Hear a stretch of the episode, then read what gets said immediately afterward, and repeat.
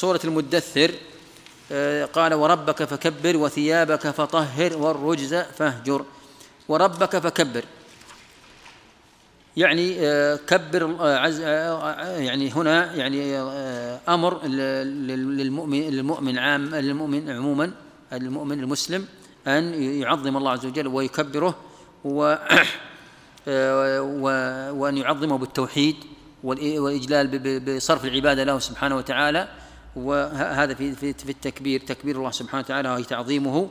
ثم قال وثيابك فطهر. هذا هو الشاهد. هذا الحكم الشرعي. وثيابك فطهر. أي يجب عليك أن تطهر ثيابك من من من من النجاسات. وأنه يجب على المسلم إذا أراد أن يصلي أن لا يصلي على بقعة نجسة ولا أن تكون ثيابه أو بدنه فيه نجاسة. وثيابك فطهر. طيب من المفسرين من فسر الثياب هنا بالأعمال. قال وثيابك فطهر أي أعمالك طهرها من الشرك والمعاصي. فنقول لا مانع. لا مانع. نقول الايه هي الأصل فيها أنها آه، في في في الثياب وأنها صريحة في الثياب. لكن هناك ما هو أعظم وأشد وهو أن أن الإنسان يجب عليه أن يعني هناك طهارة معنوية وهناك طهارة حسية. إذا كانت الطهارة ثياب طاهرة والمعال داخل غير طاهر هذه مشكلة. فينبغي الإنسان أن يطهر أعماله من الذنوب ومن الشرك والذنوب والمعاصي ثم بعد ذلك يطهر ثيابه. فتكون الآية هنا صريحة في طهارة الثياب وأيضا متضمنة لطهارة الأعمال وهذا مراد المراد منها. طيب آه، بعد ذلك صورة الماعون. يعني المؤلف شوف لاحظ انتقل من سورة المدثر إلى سورة الماعون فيه قبلها سور كثيرة فيها فيها أحكام شرعية لكنه تجاوزها ووقع عند هذه السورة. هذه السورة فيها قوله تعالى ويمنعون الماعون. ما المراد بالماعون هنا؟ الماعون هو كل ما يحتاجه الناس.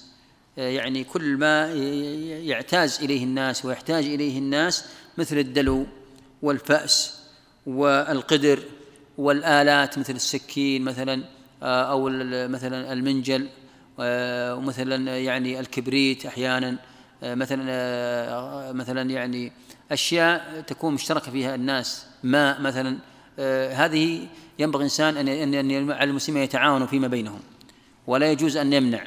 فإذا جاءك شخص وقال طلب منك مثلا مثل هذه الأشياء مثلا فأس يقطع به شجرة أو سكين يقطع بها أشياء يحتاجها أو كذا فيجب على المسلمين أن يتعاون يجب عليه أن يعطي ولا يجوز له أن يمنع.